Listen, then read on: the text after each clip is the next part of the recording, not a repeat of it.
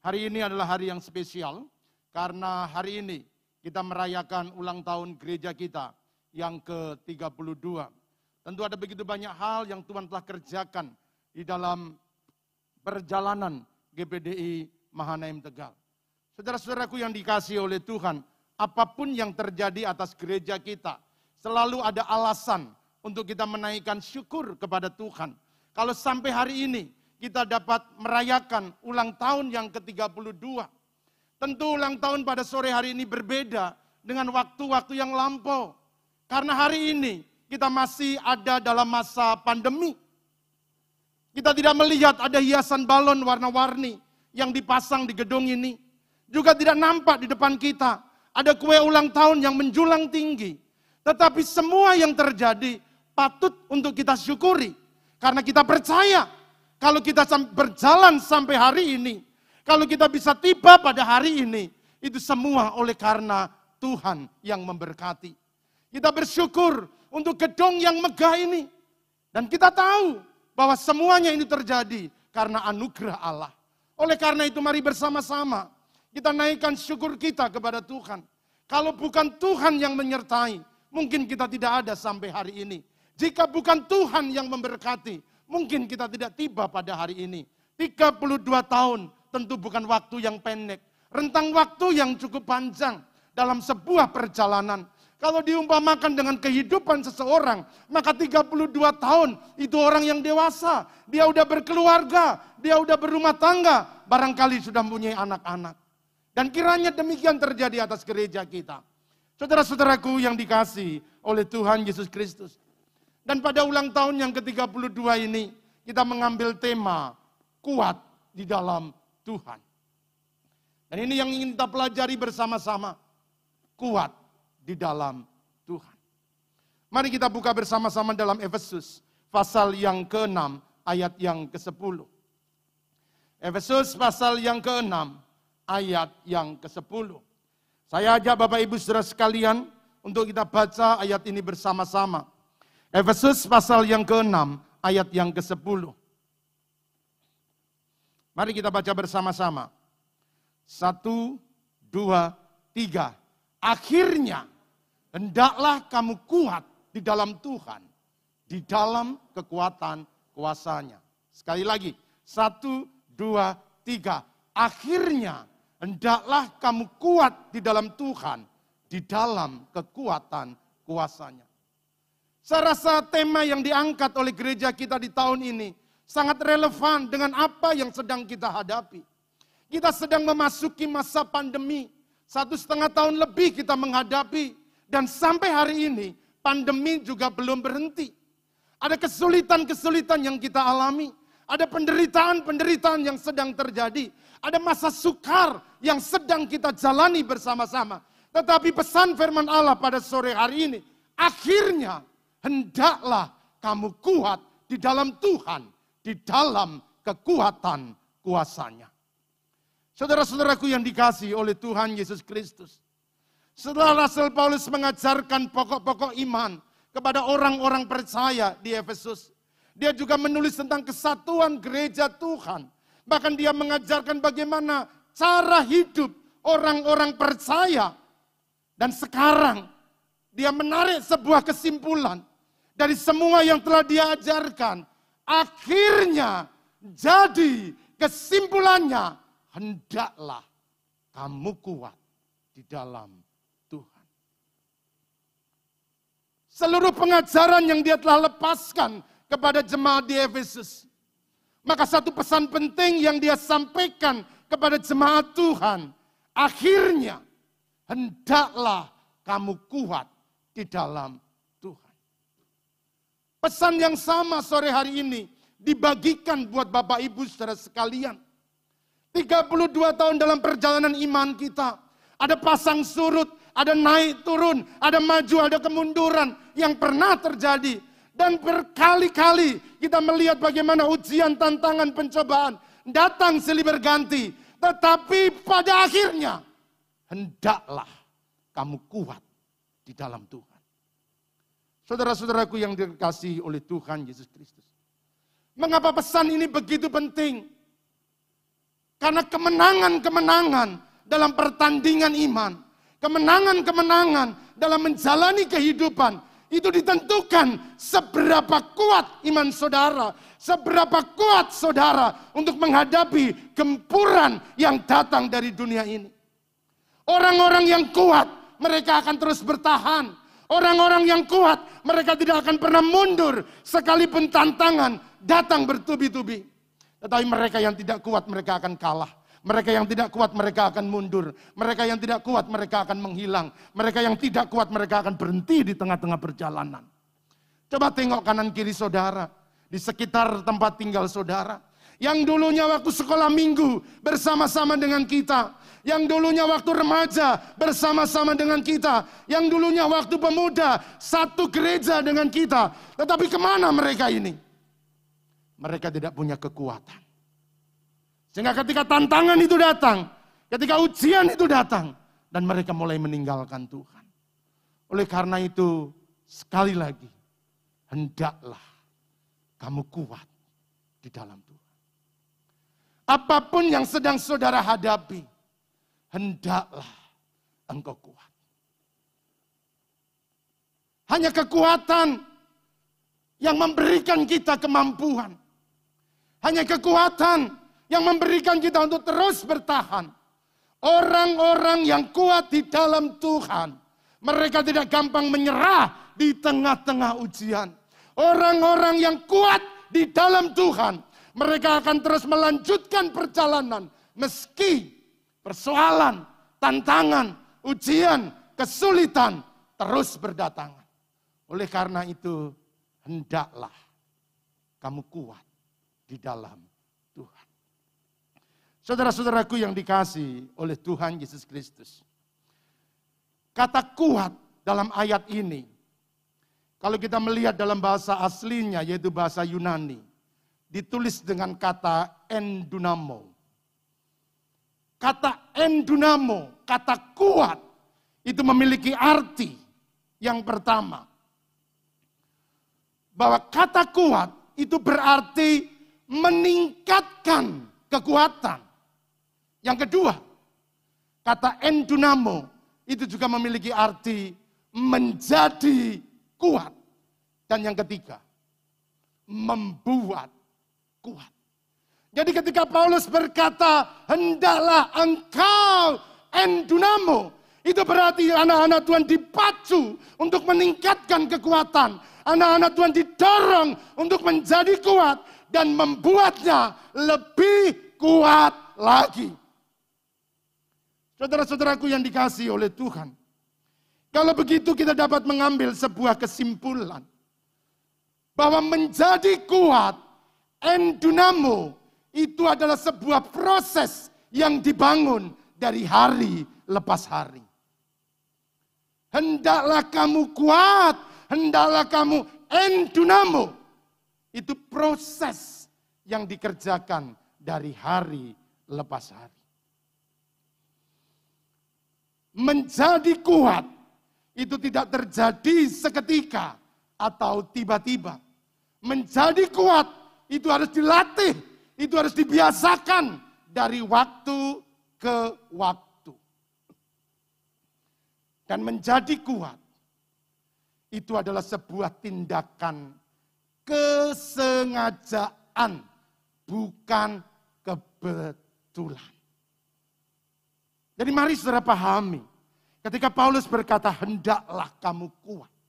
Itu berarti endunamo. Hendaklah engkau meningkatkan kekuatan. Hendaklah engkau menjadi kuat. Hendaklah engkau lebih kuat lagi dari yang sebelumnya. Menjadi kuat itu adalah proses. Itu tidak tiba-tiba. Saya berikan gambar ini kepada saudara. Perhatikan, kekuatan itu tidak dilahirkan. Kekuatan itu diciptakan. Sekali lagi, kekuatan tidak dilahirkan. Kekuatan itu diciptakan. Kita semua dulu terlahir sama. Kita ngalamin bayi. Tetapi apakah nanti bertumbuh seperti seorang binaraga, aderai, badannya kekar, kuat, berotot. Itu tidak terjadi karena kelahiran. Untuk memiliki tubuh yang kekar, yang kuat, berotot. Itu semua adalah diciptakan. Dia yang melakukan latihan. Dia yang mengikuti proses bagaimana dari kanak-kanak. Terus dia latih tubuhnya. Terus dia gembleng tubuhnya. Sampai pada akhirnya dia mendapatkan tubuh yang kekar. Dia mendapatkan tubuh yang kuat. Oleh karena itu saudaraku yang dikasih oleh Tuhan. Kalau kita ingin menjadi raksasa-raksasa rohani. Orang-orang yang kuat imannya. Orang-orang yang kuat rohaninya. Itu tidak terjadi dengan sendirinya. Bukan karena saudara menjadi anggota GPDI Mahanaim. Lalu ketika kita memasuki usia 32 tahun, maka otomatis saudara menjadi kuat. Menjadi kuat itu adalah sebuah proses. Menjadi kuat, kitalah yang menciptakan. Kitalah yang harus membangun. Kitalah yang harus melatih iman kita. Kita harus melatih rohani kita. Supaya terus bertumbuh dari hari lepas hari dari tahun ke tahun kita menjadi kuat, kita menjadi dewasa, kita menjadi sempurna di dalam Tuhan. Bapak, Ibu, dan saudara-saudaraku yang dikasih oleh Tuhan Yesus Kristus. Tanpa melatih, tanpa menciptakan, saudara tidak akan menjadi orang Kristen yang kuat. Oleh sebab itu memasuki usia yang ke-32 tahun ini, mari kita mengintrospeksi diri kita. Kita melihat ke dalam hidup kita. Apakah ibadah-ibadah yang kita lakukan hanya menjadi kebiasaan belaka? Atau kita sedang melatih iman kita, melatih percaya kita, melatih rohani kita. Supaya kita bertumbuh menjadi orang-orang yang kuat di dalam Tuhan.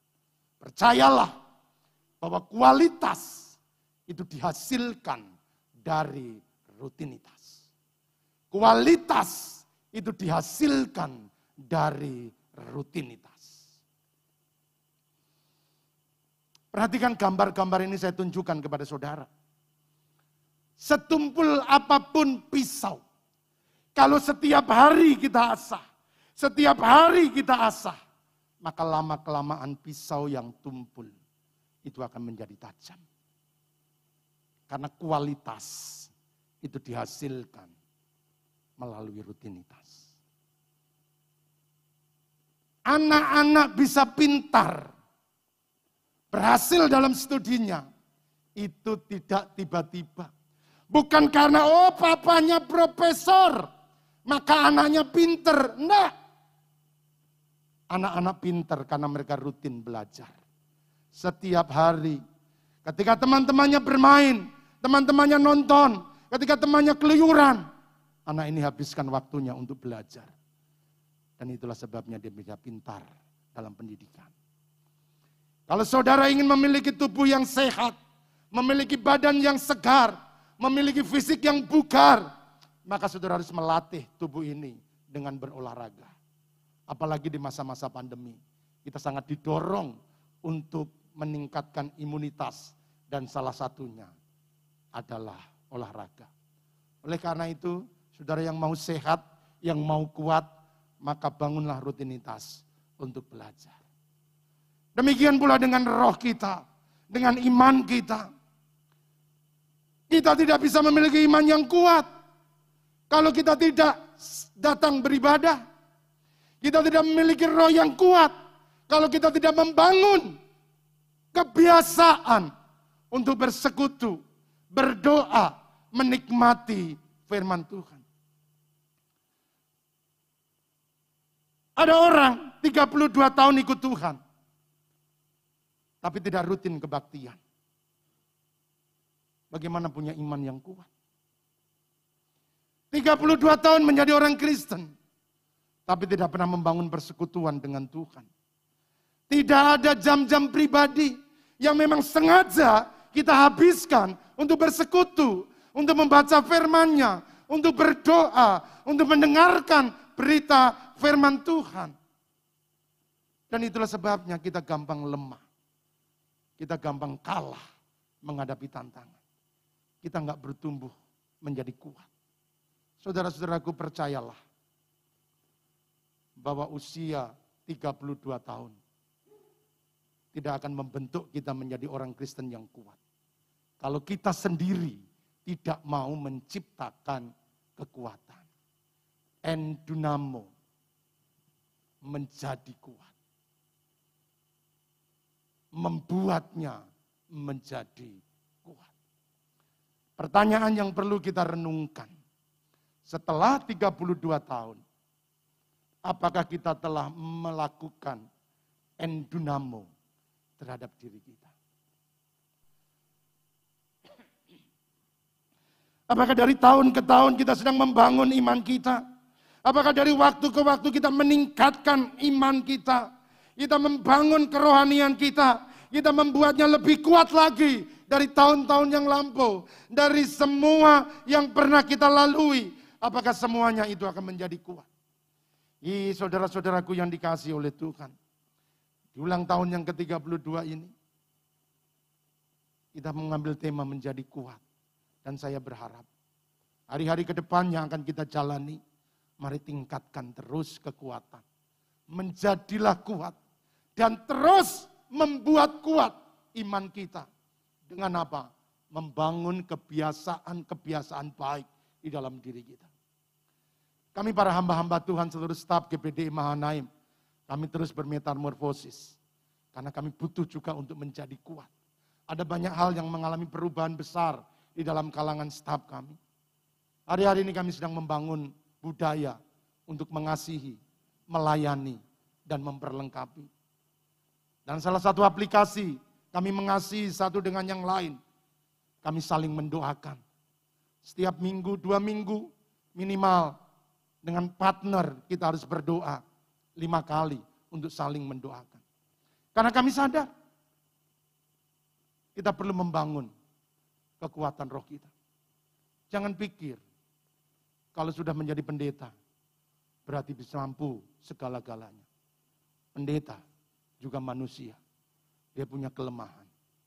Dia punya kekurangan. Dia bisa kalah. Dia bisa lemah. Oleh karena itu, supaya kita menang, maka kita harus membangun iman kita. En dunamo. Saudara-saudaraku pesan penting ini dibagikan Rasul Paulus kepada jemaat Efesus. Tentu saja punya alasan-alasan kenapa jemaat Tuhan didorong untuk menjadi kuat. Mari kita perhatikan firman Tuhan dan kita akan melihat alasan-alasan mengapa kita harus menjadi kuat. Saya menemukan beberapa dasar alasan Rasul Paulus menyampaikan pesan ini kepada jemaat di Efesus. Yang pertama, kita harus menjadi kuat karena setan menyerang dengan tipu muslihat. Kita harus menjadi kuat karena setan menyerang dengan tipu muslihat. Ayat yang ke-11. Kenakanlah seluruh perlengkapan senjata Allah supaya kamu dapat bertahan melawan tipu muslihat iblis. Perlu kita membangun iman kita, perlu kita membangun rohani kita, perlu kita meningkatkan kedewasaan rohani kita. Karena kita menghadapi musuh yang licik, musuh yang menyerang dengan tipu muslihat. Oleh karena itu, kalau kita tidak bertumbuh menjadi kuat, maka kita akan gampang dikalahkan kita akan gampang menyerah, kita akan gampang jatuh karena setan lawan kita itu dia datang dengan tipu muslihat. Saudara-saudaraku yang dikasih oleh Tuhan Yesus Kristus. Setan punya pengalaman melalui tipu muslihatnya. Dia pernah menjatuhkan Hawa di Taman Eden. Dengan kelicikannya, dengan dustanya, maka dia jatuhkan Hawa pada waktu itu. Dan itulah sebabnya cara-cara yang sama iblis akan gunakan untuk menjatuhkan anak-anak Tuhan di akhir zaman ini. dengan dusta, dengan tipu muslihat, dia akan gunakan untuk menjatuhkan, menghambat, bahkan menggagalkan anak-anak Tuhan. Sebab iblis itu adalah bapa dari segala dusta. Oleh karena itu marilah bertumbuh kuat. Supaya kita jangan gampang dikalahkan. Jangan gampang ditipu oleh setan dengan berbagai macam tipu muslihat. Saudara-saudaraku yang dikasih oleh Tuhan, bersyukurlah untuk keberadaan saudara di GBDI Mahanaim Tegal.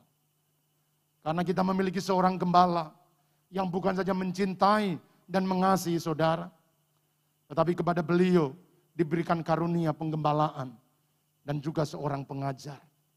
Saudara dididik demikian rupa, firman Allah disampaikan dengan begitu rinci, firman Allah disampaikan dengan begitu sistematis.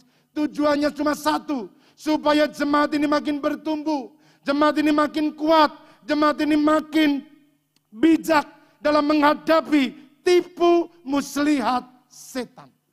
Dan di akhir zaman ini, saudara akan melihat bagaimana setan mulai menipu banyak anak Tuhan.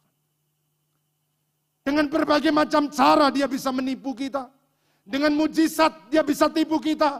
Dengan berkat dia bisa tipu kita dengan mujizat dan kesembuhan, dia bisa tipu kita. Banyak hal yang iblis bisa lakukan. Oleh karena itu jadilah kuat. Supaya saudara tidak tertipu dengan tipu muslihatnya setan. Yang kedua, mengapa kita harus menjadi kuat? Kita harus menjadi kuat karena kita berada di medan pertempuran yang hebat. Ayat yang ke-12. Karena perjuangan kita bukanlah melawan darah dan daging, tetapi melawan pemerintah-pemerintah, melawan penguasa-penguasa, melawan penghulu-penghulu dunia yang gelap ini, melawan roh-roh jahat di udara. Inilah musuh kita. Musuh kita bukanlah manusia, yang kita hadapi bukan sesama, yang bukan kita hadapi bukan saudara kita, yang kita hadapi bukan tetangga kita, tetapi musuh kita itu adalah para penguasa, penguasa kerajaan kegelapan. Lawan kita adalah penghulu-penghulu dunia. Lawan kita adalah roh-roh jahat. Saudaraku, dengan musuh yang begitu besar, dengan musuh yang begitu hebat, Bagaimana kita bisa menang kalau kita tidak menumbuhkan kekuatan dalam hidup kita? Iblis akan menggunakan berbagai macam cara. Dia akan kerahkan seluruh pasukannya. Dia akan kerahkan semua kemampuannya untuk mengalahkan kita. Dia bisa menggunakan pasangan kita. Dia bisa memakai suami kita. Dia bisa pakai istri kita. Dia bisa pakai anak-anak kita dia bisa pakai rekan bisnis kita, dia bisa pakai lingkungan kita, dia bisa menggunakan apa saja. Oleh karena itu, jadilah. Wahyu 12 ayat yang ke-12. Perhatikan. Karena itu bersukacitalah hai sorga dan hai kamu sekalian yang diam di dalamnya. Celakalah kamu, hai bumi dan laut. Karena iblis telah turun kepadamu dalam geramnya yang dahsyat. Karena ia tahu waktunya sudah singkat. Setan aja tahu waktunya sudah singkat. Termasuk kita anak Tuhan yang sudah diajarkan kronologi tentang akhir zaman. Pembukaan metre-metre sudah dijelaskan begitu rupa. Dan kita pikir waktunya masih panjang. Setan tahu waktunya sudah singkat. Sadarlah saudara-saudaraku bahwa kita sedang berada pada pertempuran yang hebat. Sebab iblis telah turun dengan geramnya yang dahsyat. Karena dia tahu bahwa waktunya sudah singkat. Setan akan menggerakkan seluruh kekuatan dia akan melakukan semua bala tentaranya untuk turun ke bumi dan mulai mengalahkan, menyerang anak-anak Tuhan. Oleh karena itu, jadilah kuat. Karena saudara ada di medan pertempuran yang hebat. Pertempuran yang saudara hadapi bukan pertempuran yang biasa-biasa. Karena Alkitab berkata, setan tahu waktunya sudah singkat. Dia lama lagi, dia akan masuk dalam hukuman kekal. Itulah sebabnya dia berupaya bagaimana membawa sebanyak-banyaknya orang percaya untuk masuk ke dalam penghukuman kekal bersama-sama dengan dia. Sebab itu jadilah kuat. Yang ketiga, mengapa kita harus menjadi kuat? Kita harus menjadi kuat karena tantangan hidup makin berat. Ayat yang ke-13. Sebab itu ambillah seluruh perlengkapan senjata Allah supaya kamu dapat mengadakan perlawanan pada hari yang jahat itu dan tetap berdiri sesudah kamu menyelesaikan segala sesuatu. Saudara-saudaraku yang dikasih oleh Tuhan. Hari-hari ini kita benar-benar menghadapi masa yang sangat berat. Sejak pandemi terjadi di Indonesia, bahkan di seluruh dunia. Maka kehidupan yang kita jalani menjadi berat ekonomi hancur, dagangan sepi, usaha-usaha pada mati, semua terjadi karena pandemi. Dan kehidupan yang kita jalani menjadi berat. Hari-hari ini kami melakukan Mahanaim Care, melakukan kunjungan secara online kepada jemaat-jemaat Tuhan. Kami telepon, kami tanyakan, bagaimana keadaannya. Beberapa berkata puji Tuhan. Meski keadaannya beda. Tapi Tuhan terus memelihara. Tapi tidak sedikit di antara mereka yang berkata. Makin sulit Pak. Jangankan untung. Untuk bisa bertahan aja puji Tuhan. Kalau dulu kita bisa nabung. Tapi sekarang kita makan tabungan memang hidup menjadi berat.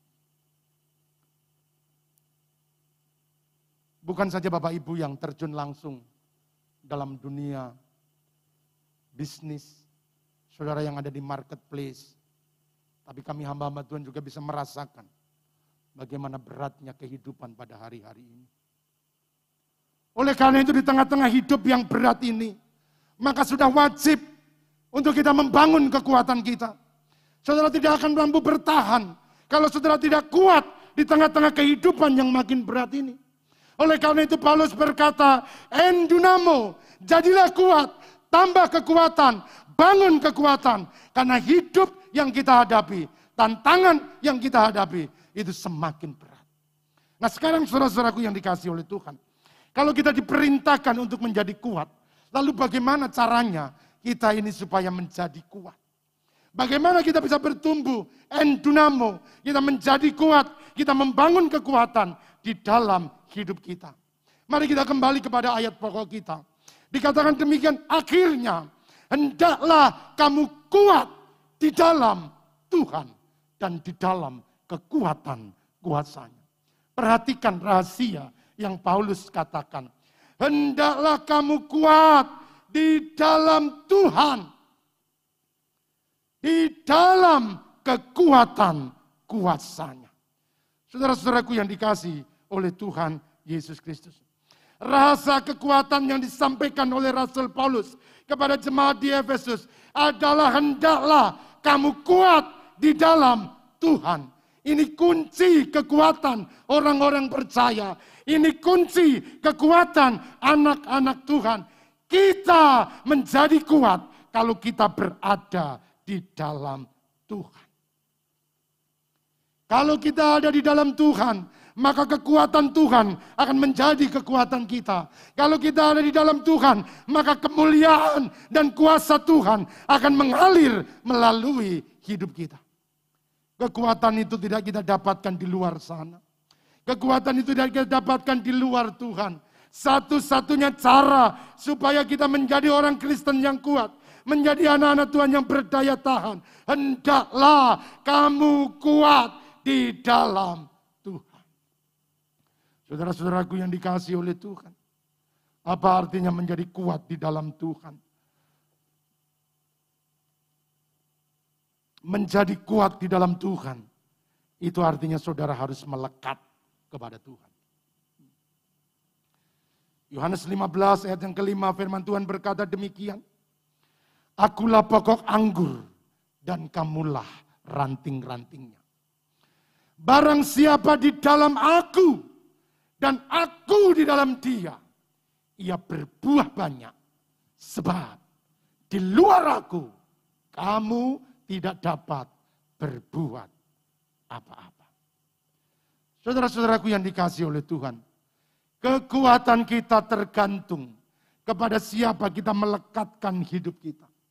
Kekuatan kita itu ditentukan kepada siapa kita percaya kepadanya. Orang-orang yang melekat kepada Tuhan, dia seperti pokok ranting anggur yang melekat kepada pokoknya. Barang siapa tinggal di dalam aku dan aku di dalam dia, ia akan berbuah banyak. Tadi pagi Bapak Zeb menyampaikan bahwa menjadi kuat itu bukan karena kekuatan manusia Menjadi kuat itu bukan karena kemampuan duniawi, tetapi menjadi kuat itu oleh karena kuasa dan roh Tuhan. Bukan oleh gagah dan kuat manusia, tetapi oleh roh Tuhan. Semuanya itu jadi. Itulah sebabnya saudara-saudaraku, kalau kita dipesankan untuk menjadi kuat, maka hari ini pastikan apa pun yang terjadi, apa pun keadaan yang kau alami, Tetaplah melekat kepada Tuhan. Orang-orang yang melekat kepada Tuhan, dia akan tetap kuat. Orang-orang yang melekat kepada Tuhan, dia akan memiliki kekuatan untuk menghadapi semua tantangan-tantangan kehidupan yang terjadi. Jangan pernah tinggalkan Tuhan. Jangan pernah jauh dari Tuhan. Melekat erat dengan Tuhan. Peluk Tuhan makin erat. Pegang tangan Tuhan dengan kuat. Percayalah orang-orang yang melekat, dia akan menjadi kuat.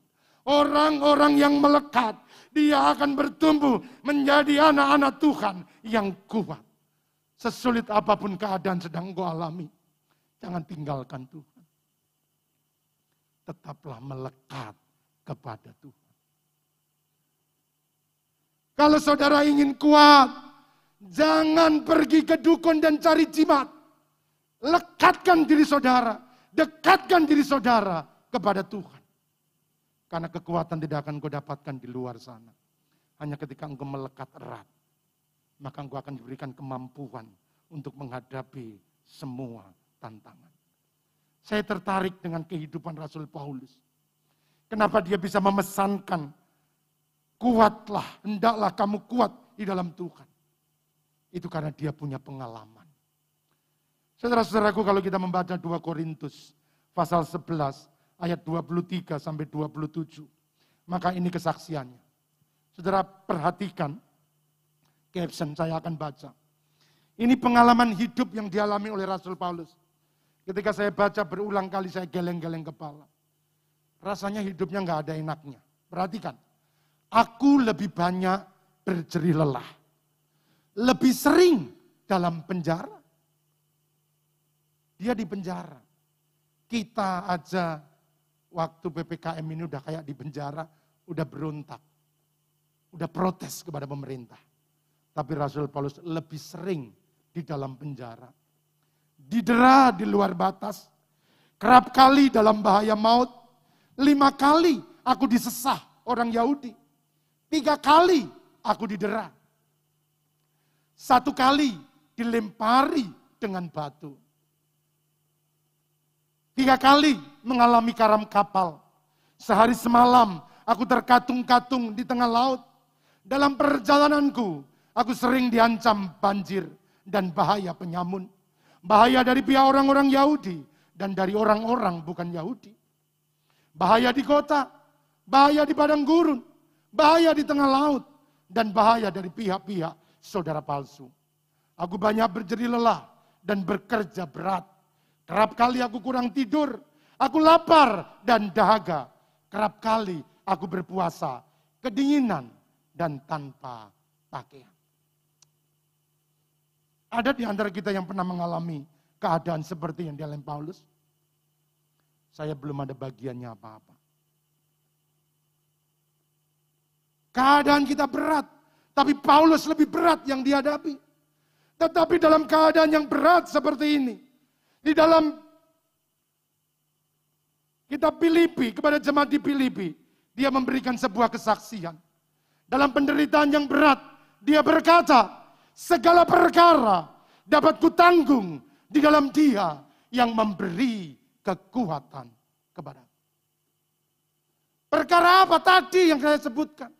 Semua kesulitan, semua tantangan, semua penderitaan dialami. Tetapi dia katakan, kalau aku bisa melewati, itu bukan karena saya. Segala perkara dapat kutanggung di dalam dia yang memberi kekuatan kepadaku. Di tengah-tengah kesulitan Paulus tetap melekat kepada Tuhan. Dan ketika dia mengalami tantangan, dia yakin Tuhan tidak pernah tinggalkan. Di masa-masa yang berat yang dialami, dia percaya bahwa Tuhan selalu memberikan kekuatan kepadanya. Itulah sebabnya dia berkata segala perkara dapat kutanggung di dalam dia yang memberi kekuatan kepadaku. Saudara-saudara kalau Tuhan bisa memberikan kekuatan kepada Rasul Paulus, maka Tuhan juga bisa memberi kekuatan kepada saudara sekalian. Seberat apa pun tantangan yang sedang kau hadapi, Tetaplah melekat kepada Tuhan. Karena di dalam Tuhan akan selalu ada kekuatan yang kita dapatkan. Saudara-saudaraku yang dikasih oleh Tuhan Yesus Kristus. Saya tahu bahwa hari-hari ini kita sedang menghadapi masa-masa yang suka. Tetapi tetaplah kuat karena kita memiliki Allah yang besar. Yang sanggup memberikan pertolongan dan membukakan jalan keluar. Untuk setiap persoalan yang saudara hadapi. Saya paham di antara saudara hari-hari ini ada saudara yang sedang mengalami tekanan hidup yang berat. Ada kesulitan-kesulitan besar yang sedang saudara hadapi. Tetapi percayalah, di tengah-tengah kesulitan, Tuhan tidak pernah meninggalkan kita. Oleh karena itu tetaplah melekat kepada Tuhan. Jangan pernah tinggalkan Tuhan. Bapak, Ibu, dan saudara-saudaraku yang dikasih oleh Tuhan. Ketika kita merayakan ulang tahun yang ke-32 ini, di tengah-tengah masa sukar yang kita hadapi,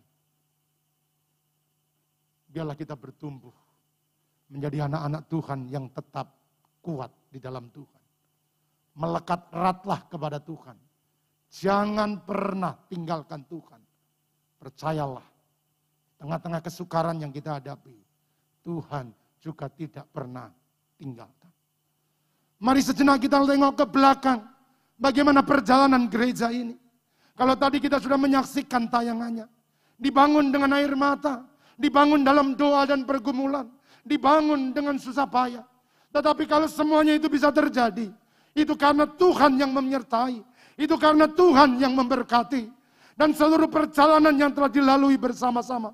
Dari tahun pertama, tahun kedua, ketiga, keempat, hingga hari ini. Tiba pada tahun yang ke-32. Kalau kita bisa hadir di gedung ini. Mari syukuri untuk semuanya itu. Kesulitan mungkin terjadi. Kesusahan mungkin kita hadapi. Tetapi di tengah-tengah kesulitan, di tengah-tengah kesusahan, terlalu kita mendapatkan alasan untuk kita mensyukuri apa pun yang Tuhan kerjakan pada hari ini. Itulah sebabnya jemaat Tuhan, mari bertumbuh menjadi gereja Tuhan yang kuat. Bertumbuhlah menjadi anak-anak Tuhan yang kuat. Hendaklah kamu kuat di dalam Tuhan dan di dalam kekuatan kuasanya. Tuhan yang telah menyertai kita di masa lalu, Tuhan juga menyertai kita pada masa kini. Bahkan Tuhan yang sama yang akan menyertai kita di masa yang akan datang. Kalau dulu dalam penderitaanmu Tuhan tidak tinggalkan, maka dalam kesulitan hari ini Tuhan juga tidak akan meninggalkan saudara. Apa pun yang kita hadapi, jadilah kuat. Tetap melekat erat kepada Tuhan. Sebab orang-orang yang melekat pada Tuhan, dia yang akan menikmati kemenangan. Orang-orang yang mendekat kepada Allah, mereka yang akan bertumbuh menjadi anak-anak Tuhan yang hebat. Itulah sebabnya lekatkan diri saudara. Peluk erat Tuhan, dekati Tuhan. Karena siapa yang kau dekati, dan kau akan menemukan kekuatannya. Saudara-saudaraku yang dikasih oleh Tuhan, masalah akan selalu ada. Persoalan pasti akan selalu datang. Tidak mungkin hidup ini bebas dari kesukaran. Tidak mungkin hidup ini lepas dari penderitaan. Semuanya pasti akan datang secara bergantian. Tetapi percayalah, ada Tuhan yang terus menunjukkan penyertaannya di dalam hidup kita. 32 tahun Tuhan telah sertai kita. Dan saya percaya di hari-hari ke depan Tuhan juga akan sertai GPDI Mahanem Tegal. Kalau Tuhan sudah menyertai perjalanan hidup saudara, maka percayalah Tuhan juga akan menyertai perjalanan saudara di hari-hari yang akan datang. Jadilah kuat, Tuhan memberkati. Sore hari ini, mari kita naikkan sebuah pujian untuk menyambut kebenaran firman Tuhan. Saudara yang sedang berada di masa-masa yang sukar, saudara yang berada dalam kesulitan-kesulitan hidup, tetaplah bertahan di dalam Tuhan. Jadikan Tuhan sebagai perisai hidup saudara. Jadikan Tuhan sebagai kekuatan iman saudara. Orang-orang yang melekat erat di dalam dia. Selalu bertumbuh menjadi orang-orang yang kuat di dalam Tuhan. Haleluya. Haleluya.